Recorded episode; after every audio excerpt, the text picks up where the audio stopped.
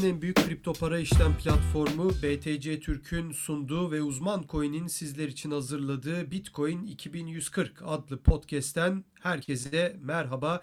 Yeni bir bölümle, yeni bir konukla bu haftada sizlerle birlikteyiz. Ben Hakan Ateşler ve arkadaşım Burak Köse ile birlikte gündemi değerlendireceğiz. Tabii ki Bitcoin fiyatını konuşacağız. Fiyatların nereye kadar e, gidebileceğini değerlendireceğiz. Tabii ki yine DeFi coinlerine değinebiliriz. Yine DeFi coinlerinde çok ciddi artışlar söz konusu ama yarım saat içinde 60 e, milyon dolardan piyasa değeri sıfıra giden bir coin de söz konusuydu hafta içinde. E, dolayısıyla yine dolu dolu bir gündem bizlerle birlikte. Blockchain araştırmacısı Celil Öztürk bizlerle birlikte olacak podcast'imiz sırasında. Onunla da yine fiyatları konuşacağız, gidişatı değerlendireceğiz diyelim ve podcast'imize başlayalım. Burak hoş geldin. Hoş bulduk Hakan nasılsın? Sağ ol teşekkür ederim. Seni sormalı. Ben de iyiyim sağ ol. Evet e, istiyorsan her hafta olduğu gibi fiyatlardan bir giriş yapalım. Geçen haftanın başında bir 12 daha doğrusu bu haftanın başında bir 12 bin denemesi oldu ve 12 bin denemesinden sonra da yine e, bir düşüş ama düşüşün ardından da yine 11.700, 800, 900 bandına çıktığımız bir Bitcoin fiyatı görüyoruz. Ethereum'da çok ciddi yükselişler var. E, yani Bitcoin Bazen işte bir yükseliyorsa Ethereum bir buçuk yükseliyor diyebiliriz. Hatta iki diyebiliriz bence. Tabii iki de olabilir. Binance'in IEO'su tamamlandı. Çok fazla artmamıştı BNB aslında. Ama IEO tamamlandıktan sonra da BNB'de de ciddi artışlar görüyoruz. 20-21 dolar olan BNB bu, bugün e, yani bu saatlerde cumartesi öğle vakti itibariyle programımızı podcast'imizi kaydettiğimiz bu saatlerde 23-23,5 dolara kadar yükseldi. Neler söylemek istersin? E, Bitcoin'den başlayalım istiyorsan. Evet, e, Bitcoin senin de az önce söylediğin gibi şu anda biz bunu konuşurken 11.900 dolar seviyelerinde işlem görüyor. Aslında 12.000 dolar denemesi daha yaptığı diyebiliriz bu seviyelerde. Zaten Bitcoin haftalardır 3 yıllık düşen trendin üstünde yer alıyor. Yani kısa vadede geri çekilmeler tabii ki mümkün Bitcoin için. Ee, ama baktığımda orta vade için olumsuz bir tablo görmüyorum. Kaldı ki Bitcoin'i bekleyen pozitif gelişmeler var önümüzdeki aylarda. Yani bu noktada herhalde Bitcoin'den daha çok Ethereum'u konuşmak lazım. Son günlerde ciddi bir rally yaptı. 440 doların üstüne çıktı ki bu seviye Ethereum'da 2 yıldır görülmüyor. Ethereum'da tabii bu fiyat artışının yaşanan DeFi çılgınlığı, onun yanı sıra işte Ethereum'da yaklaşan 2.0 güncellemesiyle katalizörlerin bunlar olduğu söylenebilir. Ama bir yandan tabii Ethereum'da ortalama ağ işlem ücretleri de görülmemiş seviyelerde seyrediyor. Bu konuda kriz hani son zamanlarda son günlerde iyice dillendirilmeye başlandı. Bu Ethereum'daki işlem ücretleri, yükselen işlem ücretleri, geliştiricilerin akıllı sözleşmelerinin maliyetleri bu konu çok tartışılıyor. Bu konuda kriz daha da büyürse bu gelişme Ethereum'da fiyatı aşağı çekebilir. E, mevcut seviyeler şu anda Ethereum 440 dolar seviyelerine yakın bölgelerde e bu seviyeler Ethereum için önemli direnç bölgeleri. 450'nin üzerinde hacimli bir kırılma fiyatı 600 dolara yaklaştıracaktır. 450'nin üzerinde hacimli bir kırılma dedin ama bunu Bitcoin'in fiyatından bağımsız olarak mı söylüyorsun? Yoksa Mesela hacimli bir kırılma oldu 450 doların üstünde Ethereum'da ama Bitcoin'den de ters bir hareket geldi. Çünkü bunu niye soruyorum? Bitcoin bir hareket ters bir hareket yaptım ki yükselişi de ters hareket olarak bazen algılayabiliriz. Öyle bir içeri giriş oluyor ki Bitcoin'de hani diğer altcoin'ler de ters etkilenebiliyor. Bunu bağımsız mı söylüyorsun Bitcoin'den yoksa tamamen Ethereum bazlı mı? Yok kesinlikle bağımsız değil zaten. Kripto para piyasasında hiçbir şey şu anda Bitcoin'den bağımsız değil. Her şey Bitcoin hareketlerine bağlı. E Bitcoin'de hızlı bir yukarı hareket tabii ki bu altcoin'lerdeki Ethereum dahil olmak üzere rally'yi kesecektir. Tam tersi yine bir düşüş olursa da bu rally altcoin'lerde ve Ethereum'da kesilecektir. Ama işte altcoin'ler için olumlu olan nedir? İşte Bitcoin'in e, yavaş yavaş tırmanması altcoin'lere güçlü bir para girişi getiriyor hani 12.000'den sonra ikinci 12.000 denemesinden sonra biraz düştü dedik. Yine 11.300'ler 400'ler geldi. Hatta zannediyorum 11.000 de gelmişti. Ee, çok kısa bir sürede 1000 dolarlık bir düşüşle yaşanmıştı ama tekrardan 12.000 seviyesine geldi diyebiliriz. Yani 11.900'lerde şu anda. Fiyat artmasına rağmen dominasyonda da e, gözle görülür bir azalma var. Yani bunu nasıl değerlendiriyorsun? Mesela bir önceki kısa vadedeki ilk 12 bin denemesinde ve ondan sonra tekrar bir düşüş olmuştu. Orada mesela çok fazla azalmamıştı dominasyon. 63, 64, hadi en fazla 62 buçuğa kadar düşmüştü. Şimdi hani dün akşam itibariyle %60'lardaydı. Hani çok ciddi bir düşüş. %59'un altında. Evet yani aslında sorumu daha da pekiştiriyor bu. Evet. Onu sorayım. Yani bu düşüşü neye bağlıyorsun? E, fiyat da zaten dediğin gibi 12 bin dolara yakın bölgelerde. Çok Evet. güzel bir noktaya değindim bence. Yani bu, bu düşüşün gerekçesi belli zaten. Yani burada altcoin'lere de çok para girişi oluyor yani Bitcoin'in Evet. yanı sıra. Zaten bunu görmüyor muyuz? Chainlink son dönemde çok ciddi bir rally yaptı Uçtu. ve geldi ilk 5'in içine girdi. Şu anda Chainlink'in 6 milyar doların üzerinde bir piyasa değeri var. Fiyat 17 doların üzerinde. Chainlink'teki yükseliş yani aslında İnanılmaz. tabii tabii kesinlikle inanılmaz. Aslında az önce bahsettik altcoin'ler hani Bitcoin'in sert hareketlerinde değer kaybediyorlar, düşüyorlar falan. Chainlink'te şöyle bir durum var. Chainlink'i alıp satacak olanlar buna dikkat edebilirler. Bitcoin düştükten sonra Link'in fiyatında güçlü bir artış oluyor. Ama bu tabii Bitcoin düşerken Bitcoin'le beraber yine düşüyor. Chainlink de değer kaybediyor ama düştükten sonra Bitcoin rally yapmadan önce Link'te bir fiyat rallisi görüyoruz. Bu son aylarda sürekli tekrar eden bir şey. Buna dikkat edebilirler Chainlink'te alım satım yapacak olanlar. Yani az önce de söylediğim gibi bu dominansın daha önce Bitcoin 12 bin dolara çıktığında bu Bitcoin'in piyasa payı veya dominansı %62 seviyelerindeydi ama şu anda %58, %59'a yakın. Elbette bu tabii Bitcoin'in yanı sıra altcoin'lere de çok ciddi para girişi olduğu anlamına geliyor. Şimdi tabii Chainlink'te öyle bir yükseliş oldu ki hani biz 4 dolarlardan 5 dolarlardan hani biraz daha düşsün. O zaman ben açıkçası almayı düşünüyordum. Link'in projesini beğeniyordum ve gözüme de kestirmiştim onu belirteyim. Ama şimdi 4 dolar 5 dolarken de çok almak istemedim. Hani yükseldi bu biraz daha bekleyeyim düşerse alırım gibi düşünürken 7-8 dolarlara çıktı. E, Hatırlıyorum uzman coin'de haberi vardı 10 dolar oluyor 10 dolara yürüyor gibi. E, Şimdi 10 dolar çok ciddi bir rakam diyorsun. E bu sefer 13 dolarlara çıktı şu anda 17 dolar yani ve hala da insanlar buralardan da alıyorlar. Aslında çok tehlikeli bir noktaya da geldi link. Şu anda bile herkes 100 dolar hatta ben geçen gün Twitter'da gördüm link 1000 dolar olur mu gibi haberler yine çıkmaya başladı. Bu haberleri Evet. 2017 yılından hatırlıyoruz. Tabii. Ve evet. insanların ne kadar üzüldüğünü de hatırlıyoruz. Yani e, Bitcoin için bu tür haberler tamam yapılıyor. Çünkü Bitcoin bu tür haberleri kaldırabilecek güçte bir coin.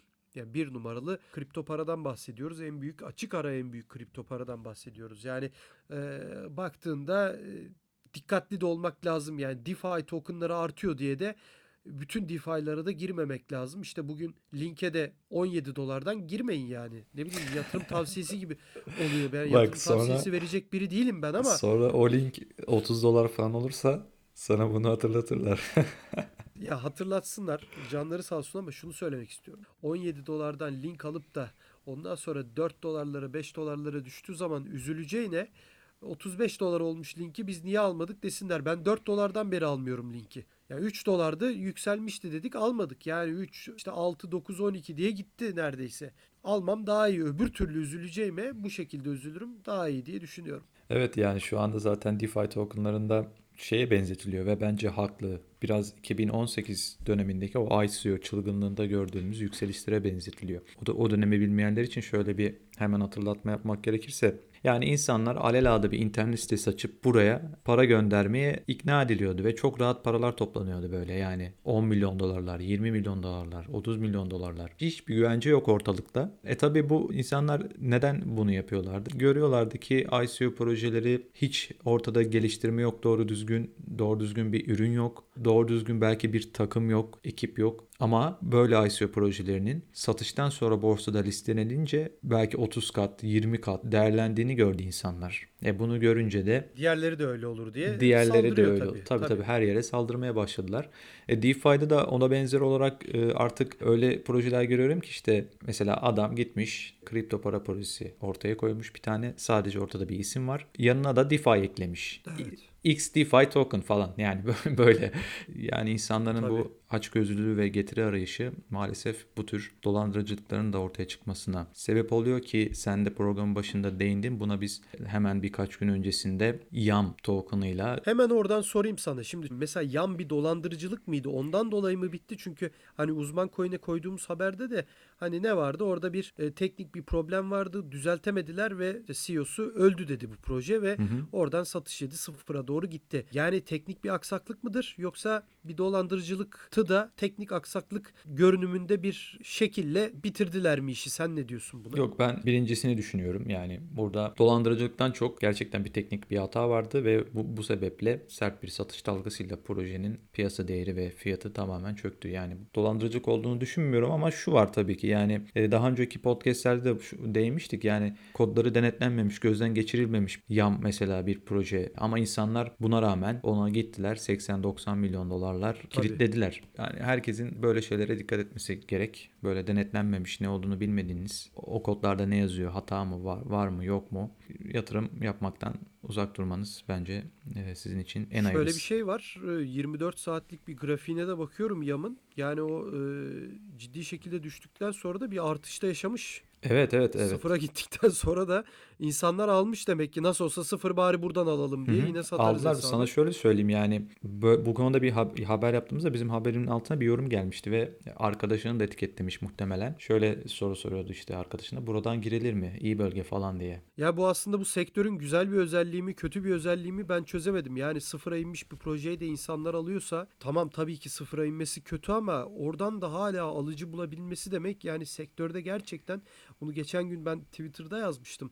Altı Öztürk yazmıştı zannediyorum Ethereum Classic'te o yaşananlarla ilgili hala sıfıra gitmedi insanlar alıyor gibi. Orada bile sıfıra gitmiyorsa bugün yamı bile alıyorsa insanlar e, Bitcoin nasıl sıfıra gidecek? Evet evet o, e, hatırlıyorum senin o şeyini paylaşımını. Hayır mantık olarak hemen ben ona gitti kafa çünkü yani insanlar YAM veya Ethereum Classic gibi teknik anlamda sorunlar yaşayan ve birçok saldırıya uğramış Ethereum Classic gibi tokenlarda bile hala bir satın alma durumu varsa ya Bitcoin düştüğünde e, açıkçası ben insanlar alır diye düşünüyorum ki şunu da çok görüyorum yabancılarda da Türklerde de Bitcoin düşse de alsak diye böyle bir nakit dolarda bekleyen kitle de var. Onu da belirtelim.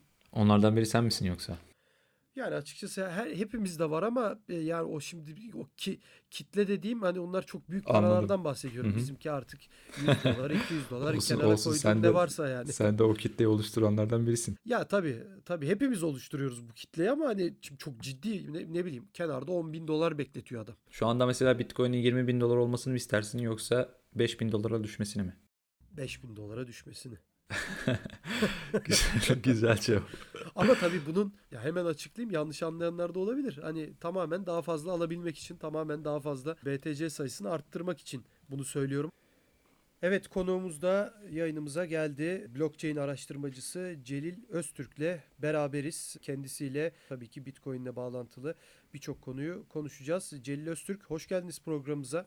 Ee, hoş bulduk, merhabalar. İstiyorsanız şöyle bir kendinizden bahsedebilirseniz daha sonra da konulara gireriz. Ben e, daha önce siber güvenlik konularında çalışmalar yaptım. E, uzun sayılabilecek bir süre, 4 yıl, 5 yıl kadar. Aynı zamanda 2013 yılından bu yana siber güvenlikle ilgili çalışmalarımı yürütürken blockchain ile ilgili, Bitcoin ile ilgili araştırmalar yapmaya başladım. İlgim daha çok e, yatırım anlamında değil, teknoloji anlamında bir ilgiydi. E, blockchain tabanlı sadece ekonomi anlamında değil, hukuk gibi daha farklı alanlardaki projeleri inceledim. E, bunlar hakkında çeşitli araştırmalar, analizler yaptım. 2017 yılından bu yana da yatırım tarafıyla da ilgileniyorum. Yani düzenli yatırımlar da yapıyorum. Piyasayı da yakından e, takip ediyorum. Şu anda araştırmalarımı e, aynı zamanda stajyer avukatım. Ben Ankara Üniversitesi Hukuk Fakültesi mezunuyum. E, hukuk alanına da e, kaydırdım son zamanlarda. Özellikle e, bu alanın regüle edilmesi, bu alanla ilgili düzenlemelerin nasıl olacağı, şu an e, uluslararası mevcut düzenlemeler, düzenleme girişimleri bunlarla ilgili araştırmalar yapmaya başladım. Hali hazırda da araştırmalar yapmaya ve e, yatırım perspektifinden e, piyasada olmaya devam ediyorum. Daha önce tabii farklı isimler de konuk ettik. Onlar da çok böyle Bitcoin'i önceden duymuş, öğrenmiş isimler. Siz de öylesiniz. 2013'te erken bir tarih. E, o zamanlar Bitcoin mesela 1000 dolar falandı muhtemelen en yüksek noktası. Hatırlıyor musunuz? E, hatırlıyorum ben. E, şimdi şöyle benim Bitcoin'i duymam daha önce ama e, yani teknolojisine vakıf değildim. Sadece bir isim aşinalığı vardı. 2013 yılında, 2013 yılının başında e, araştırmaya başladım. Tabii sonrasında müthiş bir ilgi oluştu bende. Yani o e, blockchain teknolojisini keşfettikçe bunun insanlara verebileceği şeyleri e, gördükçe ilgim daha da arttı. Bir şeye dönüştü bu sonrasında. E, ciddi bir ilgiye dönüştü. Benim girdiğim dönemlerde Bitcoin 200-300 dolar, dolarlara kadar, o seviyelere kadar çatal atıyordu. Yani çok daha Hı hı. e, volatil bir piyasa vardı. Yani 1500 dolardan 300 dolara düştüğünü hatırlıyorum ben. Ciddi anlamda bir volatilite vardı yani o dönemde. Evet tabii siz e, siber güvenlikte de siber suç departmanlarında falan çalıştınız galiba. Evet, doğru. E, yanlış görmediysem evet. Yani tabii bu kripto parayla ilginiz herhalde oradan mı geliyor acaba? Yani Ee, çünkü o doğrudur. dönemde Evet. Yani Deep Web, e, Darknet pazarları Hı hı. vesaire oradan da gelen bir e, durum yani. Anladım. O zaman e, buradan yavaş yavaş aslında bölümümüzün ana temasını oluşturan e, MicroStrategy'nin devasa Bitcoin alımına girelim. Bilmeyenler için ben biraz özet geçeceğim. MicroStrategy dünyanın sayılı iş istihbaratı şirketlerinden biri. Bu şirket Evet. ne yapıyor? Şirketlere işleriyle ilgili analiz ve raporlama araçları sunuyor. Yani aslında bir yazılım teknolojisi şirketi. 2019 rakamlarına göre yaklaşık 500 milyon dolar gelir elde etmiş. Bünyesinde 2400 çalışanı var ve Nasdaq'ta listeleniyor. Piyasa değeri ise bugün 1.4 milyar dolar. Esasında dev bir şirketten söz ediyoruz. Evet. E, Bu şirket birkaç gün önce kripto para sektörü için bir dönüm noktası sayılabilecek bir karar alarak varlık rezervlerine Bitcoin'i de dahil etti. 250 milyon dolar değerinde 21.454 adet Bitcoin aldığını açıkladı. Bu şu anda e, dolaşımda olan Bitcoin'lerin %0 nokta tam olarak %0.12'si ediyor. Evet. Yani buradan baktığımızda sadece 800 şirket dünya üzerinde bugün böyle bir şey yapmaya kalksa geri kalan şirketlere ve tüm insanlığa hiç bitcoin kalmayacak. E böyle de bir gerçeklik var. E tabi zaten şu anda dolaşımda biz 18 milyon küsür bitcoin olduğundan söz ediyoruz ama tabi bunların e, 3-4 milyonu zaten kayıp ve artık kullanılamıyor olarak değerlendiriliyor. E bunu da hesaba kattığımızda çok daha çarpıcı bir tablo çıkıyor ortaya. Peki MicroStrategy'nin bu kararının ardında ne yatıyor? CEO'su diyor ki zayıflayan dolar artık bizim için tehlike yaratıyor. 500 milyon dolarlık nakit rezervlerimizi dolarda daha fazla tutamayız. Sonsuz helikopter parası doları yavaş yavaş kemiriyor diyor. Yani aynı zamanda da kendisi Bitcoin'in 21 milyonla sınırlanan arzının kripto parayı enflasyona karşı bir korunma aracı olarak cazip kıldığını vurguluyor. Tabi burada şunu da söyleyeyim belki siz de ilk kez duyacaksınız. Şirketin CEO'su Michael Saylor 2013'te bir tweet atıyor ve diyor ki Bitcoin'in günleri sayılı, online kumarla aynı kaderi paylaşması an meselesi gibi görünüyor. Evet yeni duydum ben. Bu tweet hala duruyor bu arada silmemiş. Hmm, bakacağım. Yani o- Yayından sonra bakacağım. Ee, Bitcoin'in ölümünü ilan eden o adam 2013 yılında bugün geliyor burada Bitcoin'e övgüler dizerek dönüm noktası niteliğinde böyle bir karara imza atıyor. Bu konuda görüşlerinizi alacağım. Ondan önce ilginç bir not daha var aslında. Bu şirkete ait olan Voice.com adında bir alan adı geçtiğimiz sene EOS'un geliştirici şirketi Block One tarafından alınıyor 30 milyon dolara. Block One bu domainin üzerine bir sosyal medya platformu inşa etti. Siz de bilirsiniz Voice adında. Evet. Merak edenler de inceleyebilir. MicroStrategy'nin CEO'su Bitcoin konusundaki aydınlanmanın bu satıştan sonra geldiğini söylüyor kendisi. Evet şimdi yorumlarınızı alalım bunların üzerine. MicroStrategy'nin böyle bir alım yapmasını nasıl değerlendirirsiniz? Bunun arkası diğer şirketlerle gelir mi? Hep diyoruz işte kurumsal yatırımcılar geliyor, geldi, piyasanın içinde. Her şey yeni mi başlıyor sizce? Burak Bey aslında e, dediğiniz gibi her şey e, yeni başlıyor. Biz çok erken bir dönemindeyiz. Kripto paraların, blockchain teknolojilerinin çok erken bir dönemindeyiz hali hazırda. Şimdi MicroStrategy'nin yatırımını yorumlamak için e, bir e, genel e, bir bakış açısı ortaya koymak daha doğru olur. Bugün sadece MicroStrategy değil, evet çok büyük, çok ciddi bir yatırım yaptı. Ben e, bundan e, karlılığının da çok yüksek olacağını düşünüyorum. Çok cesur bir adım attılar gerçekten. Yani kurumsal yatırımcılar birçok şeyi dikkate alıyorlar böyle büyük yatırımlarda. Regülasyon riskleri, e, teknoloji riskleri, likidite riskleri vesaire. Bu konuda takdir ediyorum doğrusu. Bu genel perspektife ben şunları dahil etmek istiyorum Burak Bey. Yani geçenlerde de 20 tane kurumsal yatırımcı açığa e, çıktı. Yani daha önceden de Bitcoin yatırımları yapmışlar. Pek e, bilinmiyormuş. Şöyle e, birkaç haber oldu bununla ilgili. Hı hı. Bunlar bir de sadece şey, sadece Grayscale'e yatırım yapanlar yani. Onun Evet, dışında doğrudur. tabii bir sürü e, şirketten söz edebiliriz burada. Bir de genel olarak e, kurumlar bu tarz spekülatif varlıklara yaptıkları yatırımları gizlemek istiyorlar. Yani ya, ya bir şirketle bu işe girecekleri zaman da öncelikle gizlilik sözleşmesi vesaire e, gibi süreçlerden sonra yatırımlarını yapıyorlar. Anlaşılabilir bir şey bu. Şimdi genel perspektifte neler var? Öncelikle 2020 yılında çok ciddi bir e, piyasada FOMO etkisi oluştu. Özellikle kurumsal yatırımcılar açısından bu etki oluştu. Biz bunu 2017 yılından bu yana özellikle 2010 yılındaki o pikten e, bu yana sürekli kurumsal yatırımcılar gelirse şöyle olur, kurumsal yatırımcılar gelirse piyasa patlayacak vesaire. Zaten bu bir beklentiydi piyasada. E, bu beklentinin de e, temellendirildiği konu genel olarak krizdi aslında. Yani dolar bazlı bir krizdi, ekonomik bir krizdi. Çünkü Bitcoin'in ciddi yükselişler yaptıkları dönemlerde hep e, uluslararası anlamda para politikalarında e, sıkıntıların olduğu dönemler. Çıktığı dönem de yine bir kriz dönemiydi. Dolayısıyla yani arzı sınırlı, e, bireylerin kontrolünün oldukça yüksek olduğu bir e, para birimi. E, çok daha güvenli bir para birimi. Yani bu bekleniyordu. Ne oldu? Korona, Covid-19 süreci oldu. Parasal genişleme politikası, eksi faizler vesaire ilgiyi daha da artırdı. Şimdi bu genel perspektifte 3 şeye dikkat etmek gerekiyor 2020 yılında. Bir, halving etkisi. Siz de bahsettiğiniz Bitcoin 21 milyon arıza sahip. Şu an bunun e, Chain Analysis şirketi var. Bir blockchain analiz şirketi. Bunların e, yaptığı araştırmalarda şu an e, piyasada siz aslında o rakamları da verdiniz şu an kayıp Bitcoin oranı 3.5 milyon kadar 2.5 milyon çıkarılmayı bekliyor. 18.5 milyon dolaşımda e, Bitcoin oranı var. E, ne oldu halvingle birlikte? E, Bitcoin blok ödülü 3. E, halvingle birlikte, e, 1. halvingde 50 e, BTC'den 25 BTC'ye sonrasında 12.5 sonrasında 6.25 BTC'ye düştü. Yani Bitcoin'in enflasyon oranı düştü. Arzı düştü. E, piyasaya her gün e, üretilen Bitcoin sayısı, arz edilen Bitcoin sayısı düştü. Bu günlük rakamlar şöyle. Blok oluşturma hızı 10 dakikada bir blok. Başlangıçta günde ortalama rakamlar bunlar tabii. Bitcoin blockchain'inde hash gücüne göre değişiyor.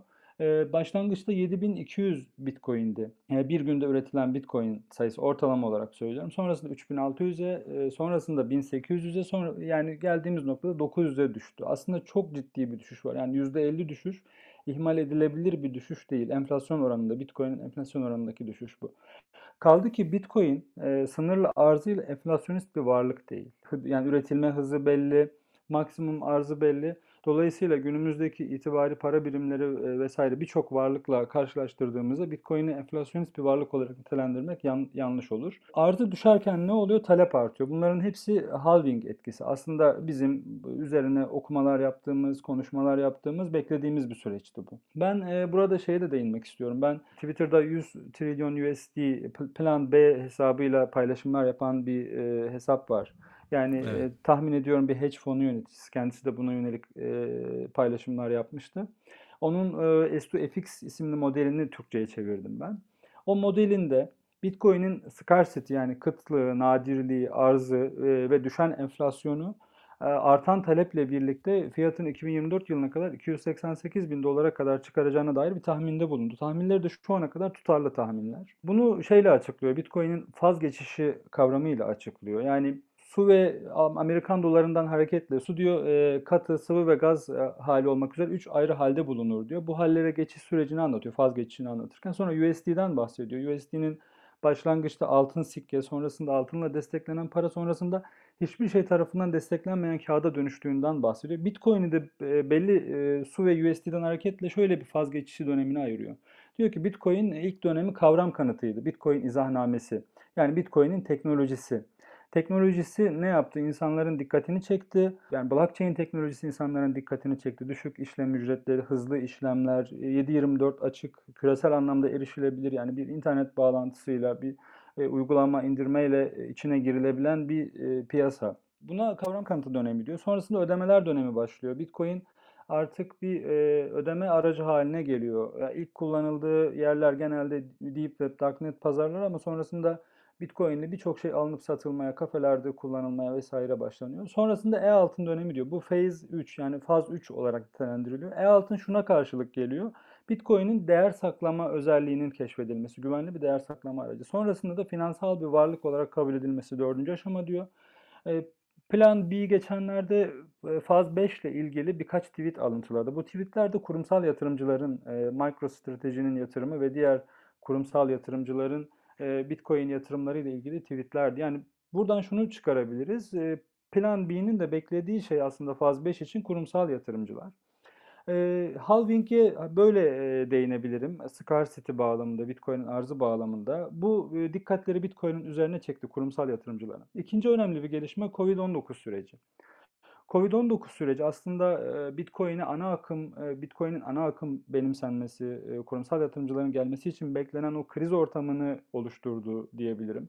Dolarda zaten bir likidite krizinin yaşanacağı birçok analist tarafından uzun bir süredir dile getiriliyor. Avrupa, ABD'de 2010 yılından bu yana Euro bazda ciddi bir kriz yaşandı. Covid-19 ne getirdi? Parasal genişleme politikası getirdi. Bugün FED yani başından bu yana hiç olmadık oranlarda, olmadık seviyelerde dolar basmaya başladı. Hala da basmaya devam ediyor. Faiz oranları düştü. Bugün biz negatif faiz oranlarından bahsediyoruz. Yani günümüzde ekonominin aslında dinamosu, katalizörü faiz oranları ve likidite havuzları. Bugün negatif faiz oranlarından söz ediyoruz. Öyle bir noktaya geldik. Çok sayıda itibari para birimi devalüe oldu. Bu da e, tüm bu gelişmeler kurumsal yatırımcıları bir arayışa itti. Yeni bir arayışa itti. E, paralarının devalüe olmayacağı, krizden minimum ölçüde etkileneceği. Yani e, şöyle söyleyeyim. Para, e, insanlar varlıklarını, kurumsal yatırımcılar varlıklarını e, yarın ne olacağını bilmedikleri bir sisteme emanet etmek istemiyorlar. Enflasyonist bir varlığa emanet etmek istemiyorlar.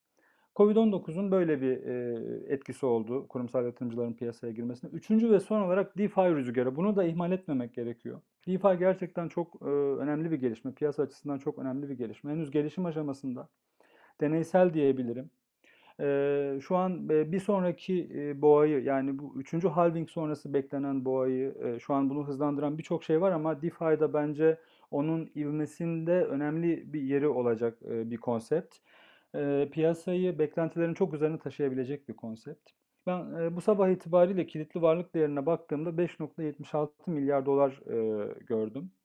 Bu, bu senenin başında bu rakam yaklaşık 700 milyon dolar seviyesindeydi. Haziran ayında 1.1 milyar dolara çıktı. 2 ayda da e, yani çok yüksek ciddi bir artışla yaklaşık 6 katına çıktı. 5.76 milyar dolar seviyesine yükseldi. Evet daha e, birkaç gün önce 5 e, milyarı kutluyorduk. Herhalde evet. önceki gün falandı yani. E, evet. Sözünüzü evet. kestim. Devam edin buyurun.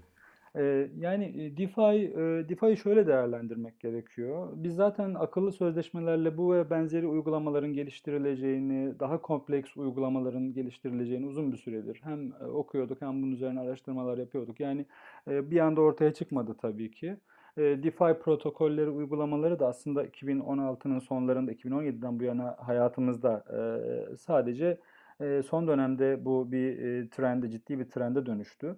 DeFi ne yapıyor? DeFi lending'e, borrowing'e oldukça farklı bir konsept getirdi geleneksel finansın dışında ve insanlar şunu da ihmal ediyor. DeFi, DeFi'nin fonksiyonu aslında yani şu anda küresel ekonomiyi, ekonominin katalizörü niteliğinde yani yatırımları, startupları, girişimleri destekleyen e, o likidite havuzlarını blockchain'e taşıdı.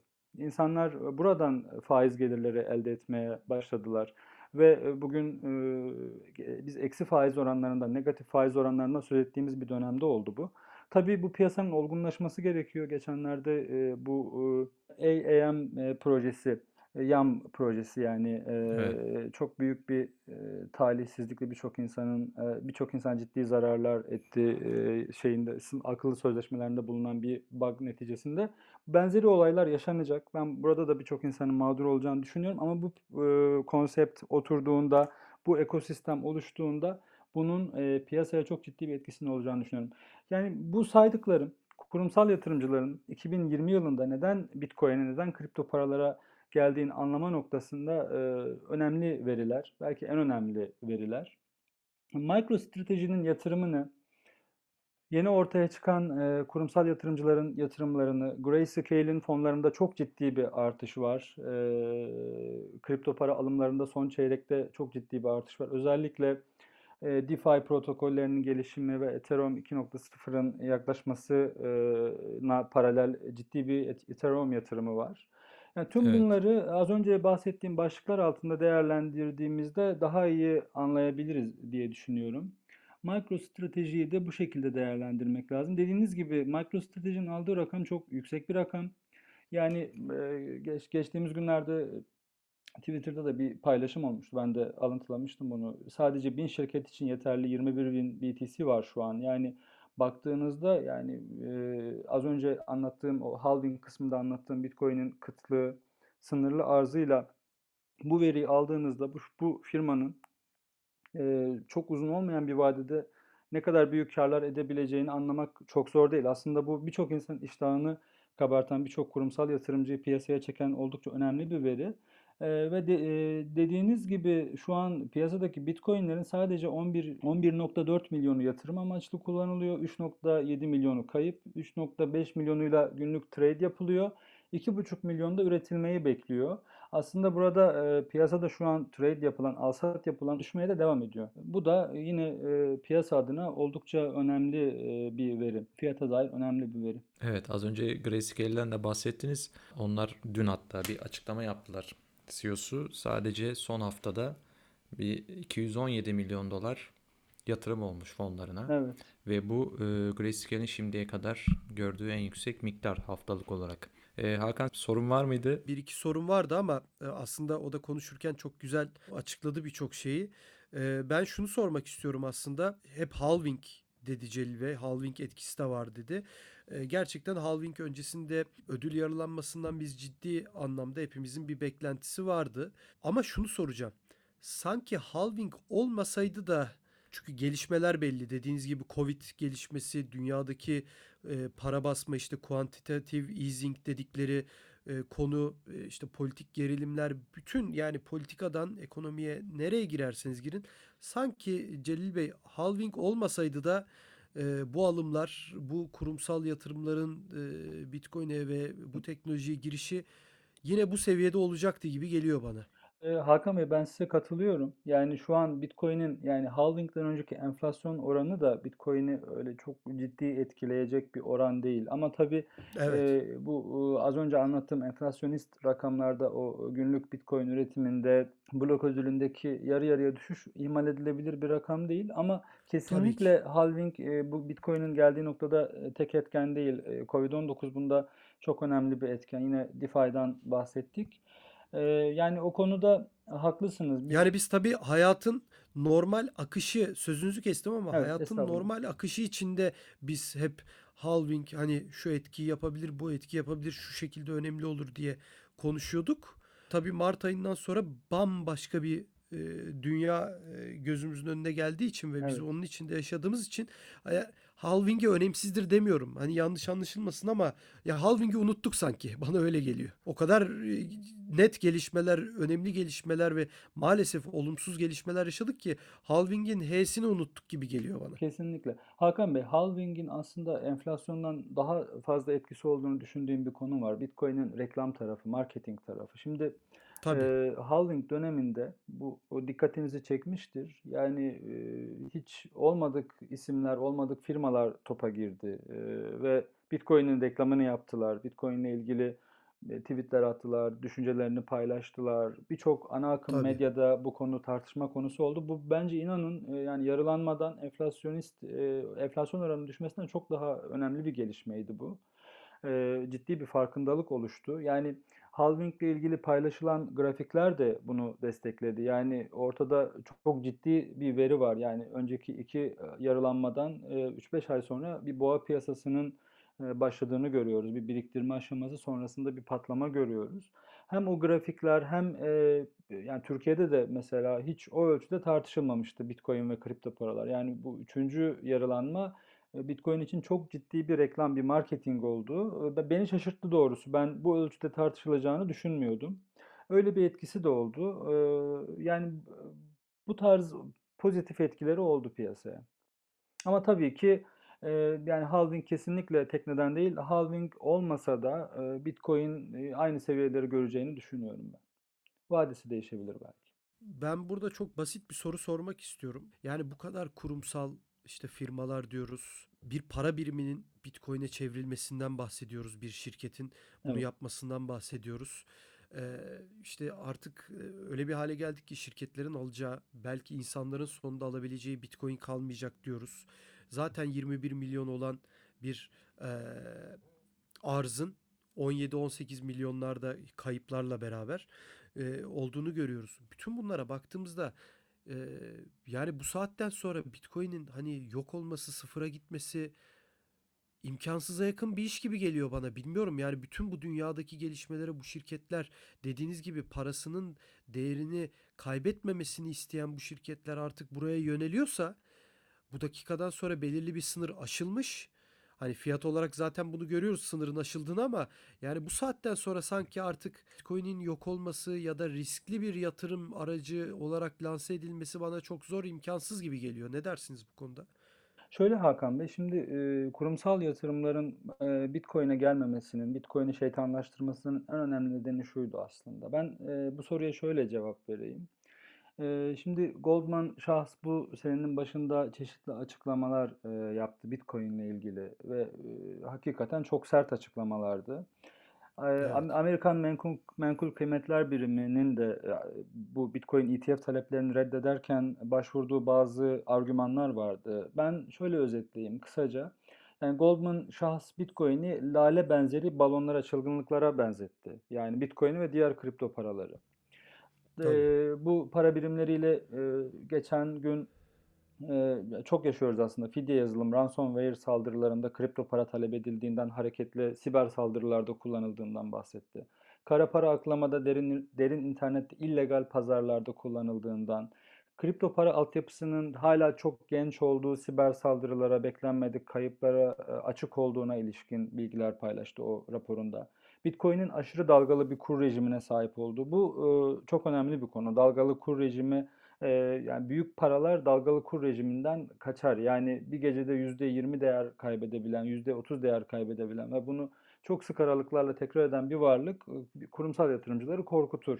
Sonra nakde çevrilebilirliğinin problemli olduğu. Yani biz şu an cebimizde 10 bin, 20 bin dolarla piyasaya giriyoruz, işlem yapıyoruz ama şunu düşünmek lazım. 1 milyar dolarla bu piyasaya nasıl girerim? E, Piyasa fiyatından mesela. Nasıl ki bunu nasıl anında e, kriptoya çeviririm?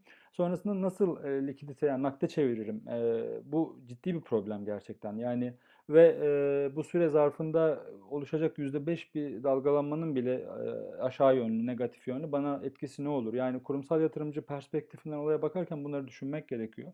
Sonrasında enflasyon riskine karşı koruma sağlamadığı gibi nedenleri sıralayıp Bitcoin ve diğer kripto paraların bir varlık sınıfına dahil olmadığını iddia etti. Bu da çok çok e, tepki çekti e, piyasadan. Şimdi e, bu saydığım şeyler salt Goldman Sachs açısından değil, birçok kurum, kuruluş, kurumsal yatırımcı açısından Bitcoin'in öleceğine, Bitcoin'in yok olacağına, piyasadan kaybolacağına, bunun regülasyonlarla, düzenlemelerle engelleneceğine, sıfırlanacağına dair iddialar uzun yıllardır dile getiriliyor. Tabii e, kripto paraları, Bitcoin'i, blockchain'i tanıyan biri, e, sektörün potansiyelini bilen biri, Az önce anlattığım faaliyetlerin çok kolay itibari para birimleriyle de yapılır olduğunu, günümüzde altında, dolar, özellikle dolardaki dalgalanmaları, itibari para birimlerinde, yerel para birimlerindeki dalgalanmaları analiz ön birisi bu iddiaların çok temelsiz olduğunu anlar zaten. Ben insanların e, Bitcoin'e, blockchain'e bu noktada e, ön yargılı yaklaştıklarını düşünüyorum. E, öleceği iddialarında falan bulunan insanların. Uzun süredir de zaten e, böyle bakıyordum. Dediğiniz gibi gelinen noktada e, artık e, Bitcoin e, regülasyonlarla veya e, sahip olduğu dalgalı kur rejimiyle e, az önce saydığım nedenlerle ortadan kalkacak, yok olacak bir para birimi değil. E, bunun insanlar bunun farkına vardığı için, potansiyeli gördüğü için yatırımlarını artırdılar, artırmaya da devam ediyorlar. Evet yani siz biraz önce ETF dediniz. Evet. Hani bir dönemin e, kripto para dünyasındaki en önemli konularından bir tanesiydi Evet. ETF. Ondan sonra o kadar çok reddedildi ki reddedildikçe hiçbir etkisi olmamaya başladı. Bir önem atfedilmemeye başlandı. Yani kabul edilse ETF onaylansa belki uçacak ama ETF onaylanmıyor, fiyat da düşmüyor. Yani onaylanmamasının hiçbir kripto dünyası açısından önemi yoktu. Ee, ve onaylanmıyor onaylanmaya da açıkçası unutuldu. Yani siz ETF demeseniz ben açıkçası onu çoktan unutmuştum. Yani halving'i bile unutmuşken ETF'in e, aklımızın hangi derinliklerinde kaldığını artık siz düşünün. Evet. Yani dediğiniz gibi gerçekten işte Goldman Sachs olsun, e, JP Morgan olsun. Evet. e, yani JP Morgan da değil mi? Çok ciddi anlamda Tabii. karşıydı bu tür konulara E, ve bugün tam tersi yani bırakın karşı olmayı artık tam tersi onun yanında duruyorlar. E, bu çok çok önemli bir nokta. Yani evet bugün şu anda baktığımızda sizin biraz önce söylediğiniz gibi Plan B'nin işte grafiği S, S2FX e, yani bunun 288 bin dolar 300 bin dolar yani onu geçtim şu an 50 bin dolar 100 bin dolar bile imkansız birçok insan için. Ama şunu unutmamak lazım ki siz biraz önce söylediğiniz gibi işte 1200'lerden 300 dolara düştüğü zaman da 10 bin dolarlar çok imkansızdı Evet. Bitcoin için. Yani imkansızı hep yaşattı, hep gösterdi Bitcoin. Bakalım nereye kadar gidecek ben çok merak ediyorum. Şu çok güzel bir konu. Ee, bir programda BTC Türk CEO'su Özgür Güner'i e, söylemişti. Benim aklımda hep kaldı o. Yani o çok önemli bir konu. Yani bir gün sıfıra da gidecekse Bitcoin buna insanlar karar verecek. Uçacaksa da Kesinlikle. buna insanlar karar verecek. Bu yani çok basit gibi gelebilir.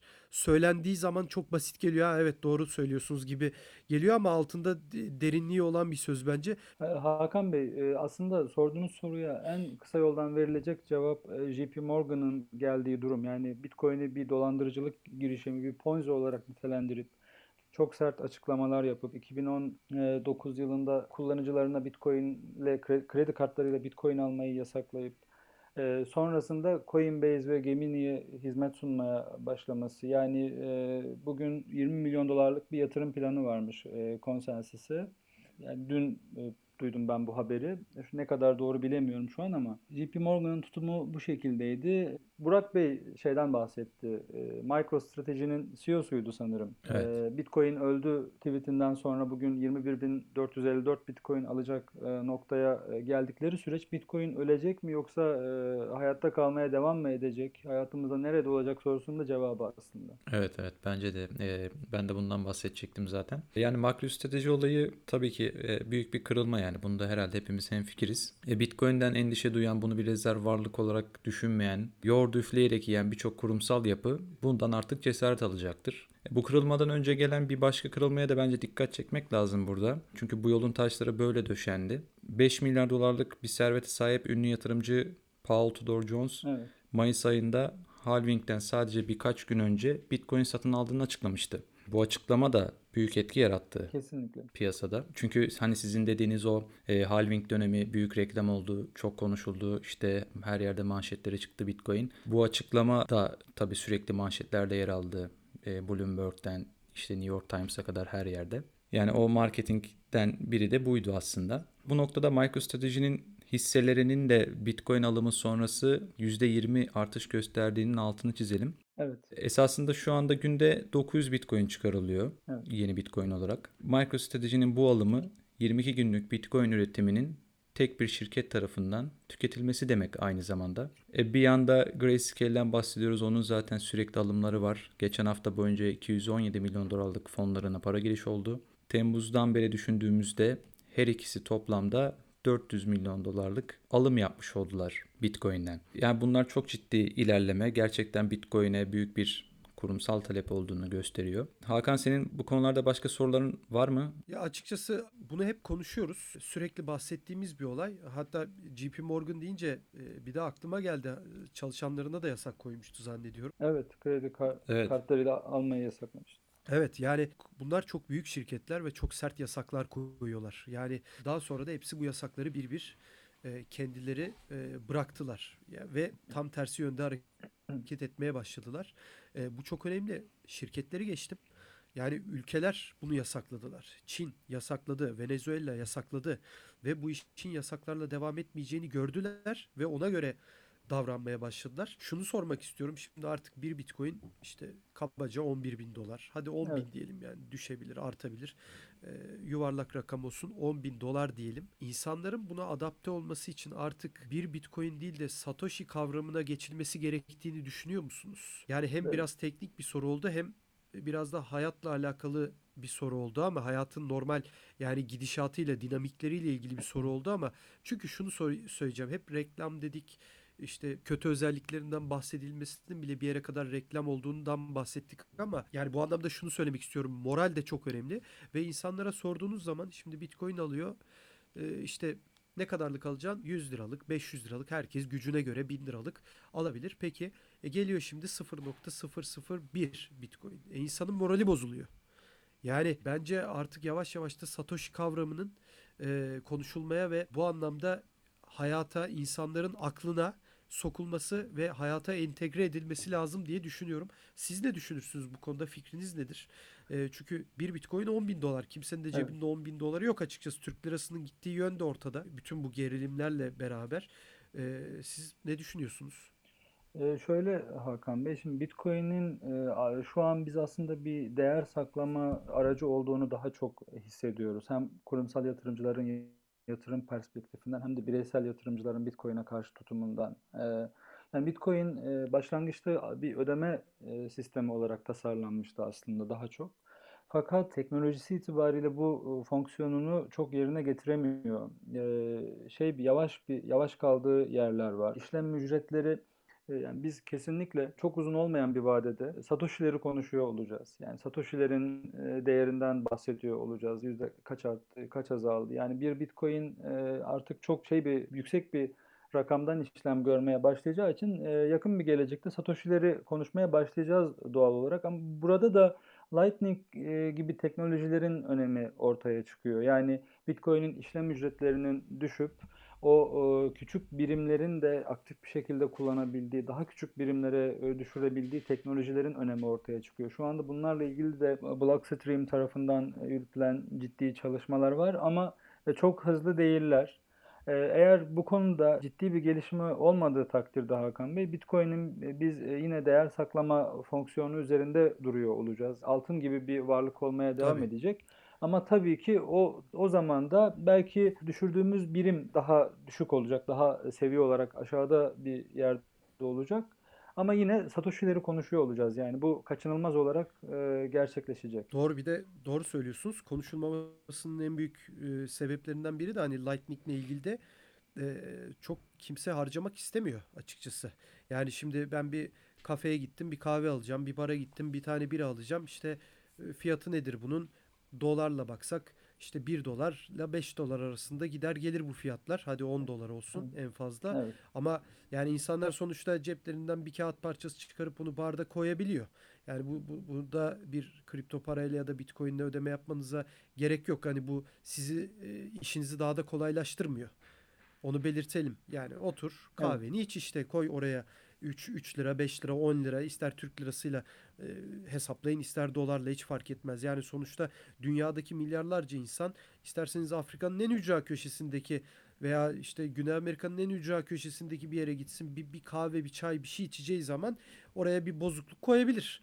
Evet. Yani bu, bu burada bir problem yok zaten doğru söylüyorsunuz ama e, yine de o işin ben de biraz daha zamanı olduğunu düşünüyorum ama fikrinizde e, merak ettim. Yani değer saklama aracı olarak da bakılıyor evet ve kimse de harcamıyor. Zaten kimse de gidip şimdi Bitcoin ile kahve almak da istemez gibi geliyor. Niye harcayayım der. E, atıyorum bundan 2 sene sonra 10 katı, 100 katı, 50 katı veya 5 katı olabilecek bir değeri ben niye bugün kahveyle harcayayım diyor insanlar tutuyor. Yani Kesinlikle. resmen yastık altında tutma dediğimiz olay şu anda gerçekleşiyor diye düşünüyorum. Kesinlikle Hakan Bey şey de değil. Yani şu an Bitcoin ağı e, hızlı ödemeler için çok işlevsel de değil. Bunun için yan zincirler üzerinde çalışılıyor. Hatta e, Ethereum Doğru, zincirine tabii. e, taşıyalım Bitcoin işlemlerini gibi opsiyonlar da sunuluyor. Buna bir çözüm bulunacağını düşünüyorum ben. Bulunması da gerekiyor. Bunun e, Bitcoin açısından da Bitcoin'in piyasa değeri açısından, piyasa hacmi açısından da çok ciddi etkisi olacağını düşünüyorum. Ve mutlaka Bitcoin'in e, piyasa market dominansı, e, piyasa değeri arttıkça bununla ilgilenen birçok özel şirket, yeni şirket ortaya çıktır birçok. Onda da ben e, önümüzdeki yıllarda çok hızlı gelişmeler bekliyorum doğrusu. Ee, Burada e, biz kurumsal yatırımcılardan bahsettik. Kurumsal yatırımcıların e, isterseniz şey e, regülasyon tarafında neler beklediğine de girebiliriz. E, Uluslararası regülasyonlardan da kısaca bahsedebiliriz. Yani bunun Evet oldukça tabii. önemli olduğunu düşünüyorum ben e, kurumsal yatırımcılar zaten ben de oraya Hatta gelecektim şimdi. Hı hı. Ee, son günlerde devletler nezdinde önemli gelişmeler oldu.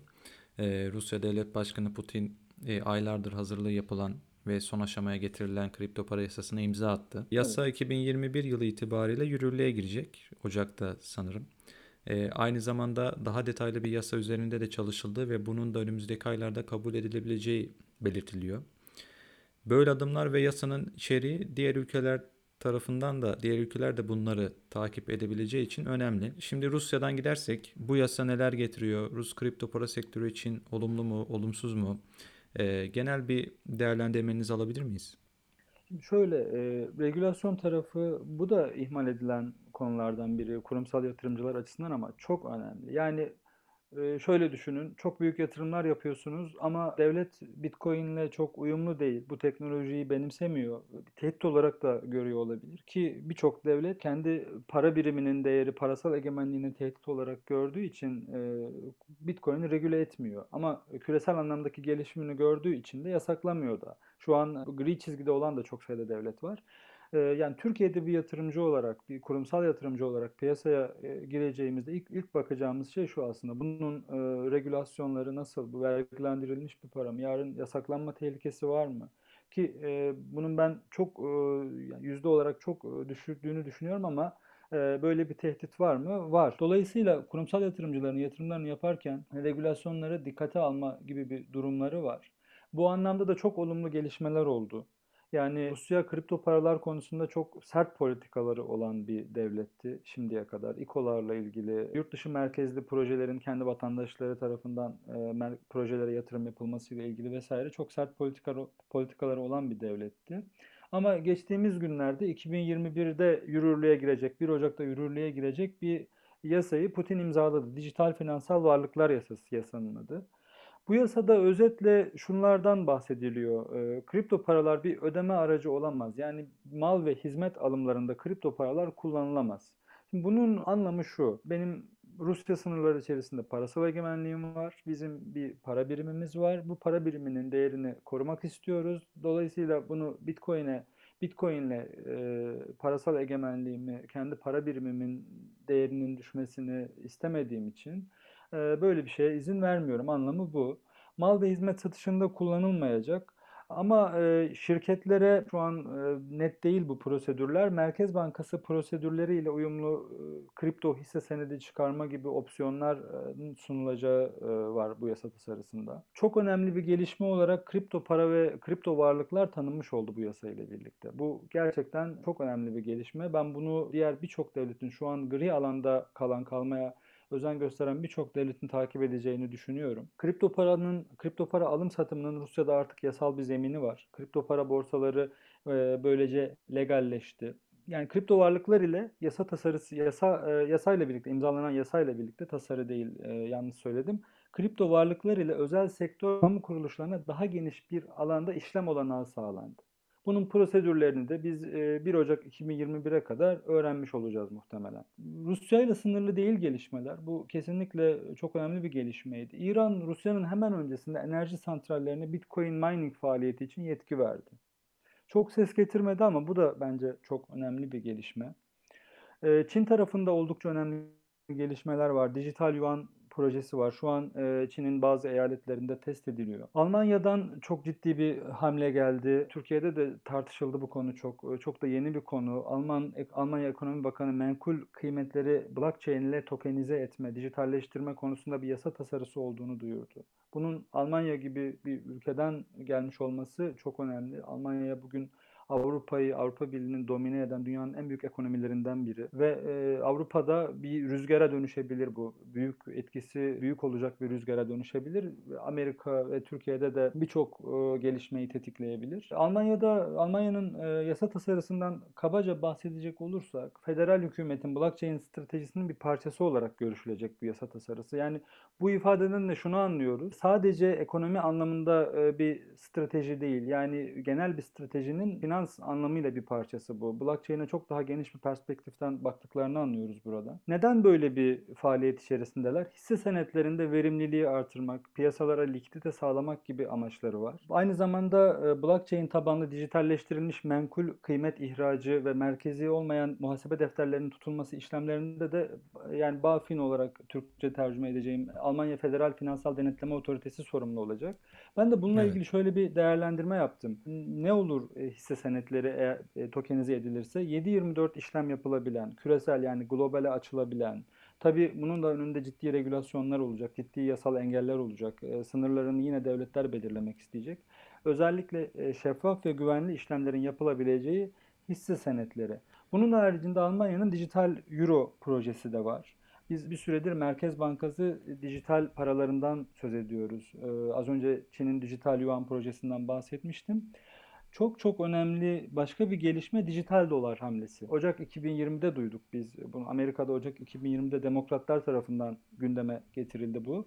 Federal Reserve yani Fed yükümlülükleri, sınırlılıkları belirleyecek ve doları tokenize edecek. Yani eğer bu gelişme aynı hızla devam ederse Burada da ABD'nin dijital dolar girişiminden işlem maliyetinin düşürülmesi, işlem güvenliğinin sağlanması, işlem hızı gibi blockchain'in sunduğu avantajlar e, böyle bir girişimin e, temelinde yatıyor. Korona Burada süreci- size bir soru Ha, sorabilir miyim? Bir Buyurun çok Bey. bir parantez açayım. Şurada çok kısa bir soru sormak istiyorum. Şimdi dijital euro diyoruz, yuan dedik, işte Evet. doları, işte istediğiniz kadar isterseniz Türk Evet. lirası deyin. Yani dünyada ne kadar para varsa hepsini söyleyebiliriz. Burada yani tamam önemli gelişmeler ama Bitcoin'le bunların aynı olması da mümkün değil herhalde değil mi? Şimdi dijital ya dolardan gidelim. Fed bugün para basıyor. Merkez Bankası para basıyor destek paketleri anlamında. Bu bugünün şartlarında çok da yanlıştır demiyorum. Doğru da olabilir. Ee, sonuçta çok ciddi bir kriz. Amerika'da da ciddi bir koronavirüs e, salgını zaten söz konusu ve dolar basmaları gerekiyor olabilir ama dijital dolar da olduğu zaman Fed bunu basmayacak mı? Basmak istemeyecek mi? Euro için de aynısı geçerli. TL için de veya işte Japon yeni, Çin yuanı için de aynısı geçerli değil mi? Yani evet önemli ama hiçbiri yine bir Bitcoin etmeyecekler gibi geliyor bana. Siz neler söylemek istersiniz? Çünkü bu şu anki sorun paranın dijital olup olmaması değil ki paranın tedavülde çok fazla olması ve değerinin artık kalmıyor olması gibi geliyor bana. Ee, Hakan Bey, e, biz e, Venezuela'da petronun enflasyonun patlaması, paranın devalüe olması sonrasında bu petrol Evet. e, hatta petrole desteklenen petronun pe- çıkarılıp e, kripto para piyasasına entegre edilişi daha çok e, yeni yani çok zaman geçmedi üzerinden. Tabii. Tabii. Ee, bu, bu projelerin şöyle bir önemi var Hakan Bey. Şimdi e, kurumsal yatırımcılardan bahsediyorduk. Yani kurumsal yatırımcılar regülasyonlardan korkar. Regülasyonların nereye gittiğini görmek ister yatırım yapacakları alanda. Çünkü e, yatırımlarınız devletle çok Anladım. ilişkilidir. Devlet ekonomi politikaları, ülkenin ekonomi politikalarıyla. Yani siz bugün TL'ye yatırım yapıyorsanız, Türkiye'de bir yatırım yapıyorsanız, Türkiye'deki ekonomi politikasının nereye gideceğiyle, Türkiye'deki ekonomi politikasının sizin TL'ye yaptığınız yatırımı nasıl etkileyeceğiyle çok yakından ilgili. Burada da şöyle bir ilgi var. Şimdi bu geli- geliştirilen Merkez Bankası dijital paraları blockchain tabanlı olacak. Yani bu devletlerin blockchain teknolojisine yeşil ışık yaktığı anlamına gelir ve bence e, kriz e, içerisinde bulunduğumuz kri- kriz e, derinleşirse devletlerin e, geliştirdikleri dijital para birimlerini ben kripto ekosistemine dahil edip onların orada bir değer oluşturması, talep oluşturması için çaba göstereceklerini düşünüyorum. Aynı zamanda bu çok ciddi bir gösterge olmasa da blockchain teknolojilerine yeşil ışık yakıldığının, bu teknolojilere ilgi duyulduğunun önemli bir göster- göstergesi ve bence yatırım yapan insanlar açısından, kurumlar açısından da Merkez Bankası dijital parası projelerinin e, piyasaya duyulan güven açısından ciddi bir veri olduğunu düşünüyorum bu bağlamda. Yani Hakan Bey şundan bahsetti. Yani e, bunların hiçbiri bir Bitcoin olmayacak. Kesinlikle bunların hiçbiri bir Bitcoin olmayacak. Bunlar en başta merkezi olacaklar. Biz bunların ne kadar merkeziyetsiz tasarlanacaklarını bilmiyoruz. Devletin doğasına da aşırı merkeziyetsizlik ters. E, Dolayısıyla Tabii tabii. Ee, Asıl sormak istediğim bölüm oydu zaten. Kesinlikle.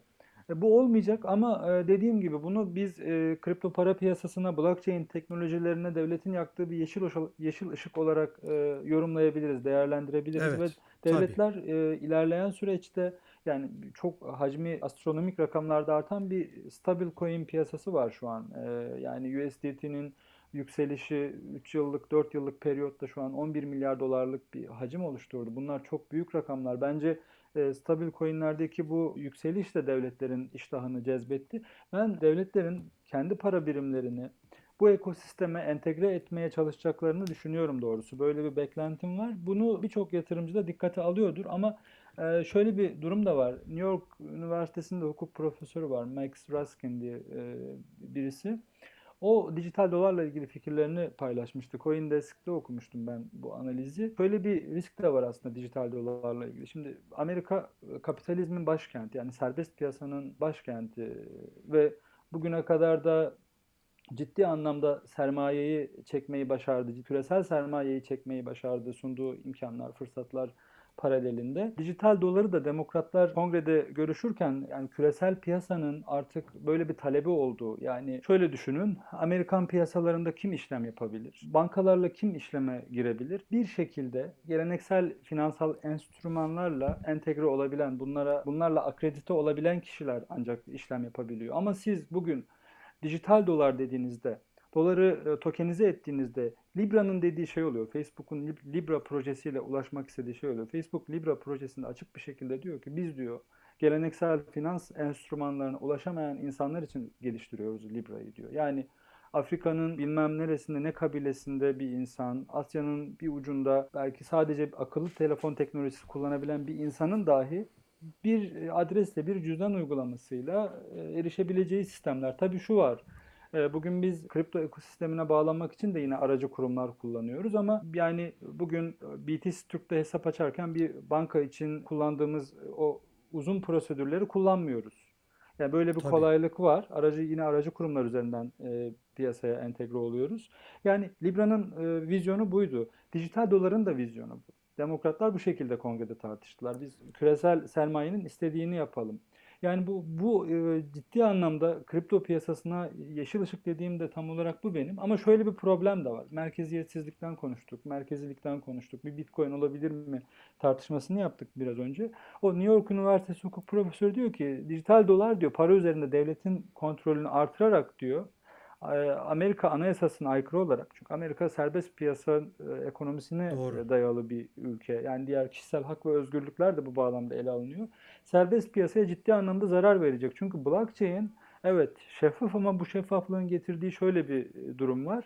Takip mekanizmaları güçlü bir şekilde işletildiğinde Bitcoin yani kripto paralar, blockchain tabanlı teknolojiler ciddi bir gözetim aracına da dönüşebilir. Serbest piyasayı baltalayacak, devletin e, para Doğru. üzerinde yani bugün benim cebimdeki nakit üzerinde bir takip mekanizması işletilemez. Çünkü bu benim cebimde. E, ben bu parayı nereye harcadım, ne aldım vesaire e, illegal işlemler bağlamında değil. Yani günümüzde insanlar özgür olmak istiyorlar. Günümüzde insanlar yani Z kuşağından bahsediyoruz biz. Aslında Bitcoin'i belki... Tabii canım e, yani insanların mahremiyetinin olması sadece evet. illegal işler yapıyor anlamına da gelmez. Çok başka Tabii. yani kimsenin ne bileyim atıyorum adam e, basketbolu seviyordur. Bir basketbol topu alacaktır evinde dursun diye onun bile bilinmesini istemiyordur. Atıyorum yani örneği.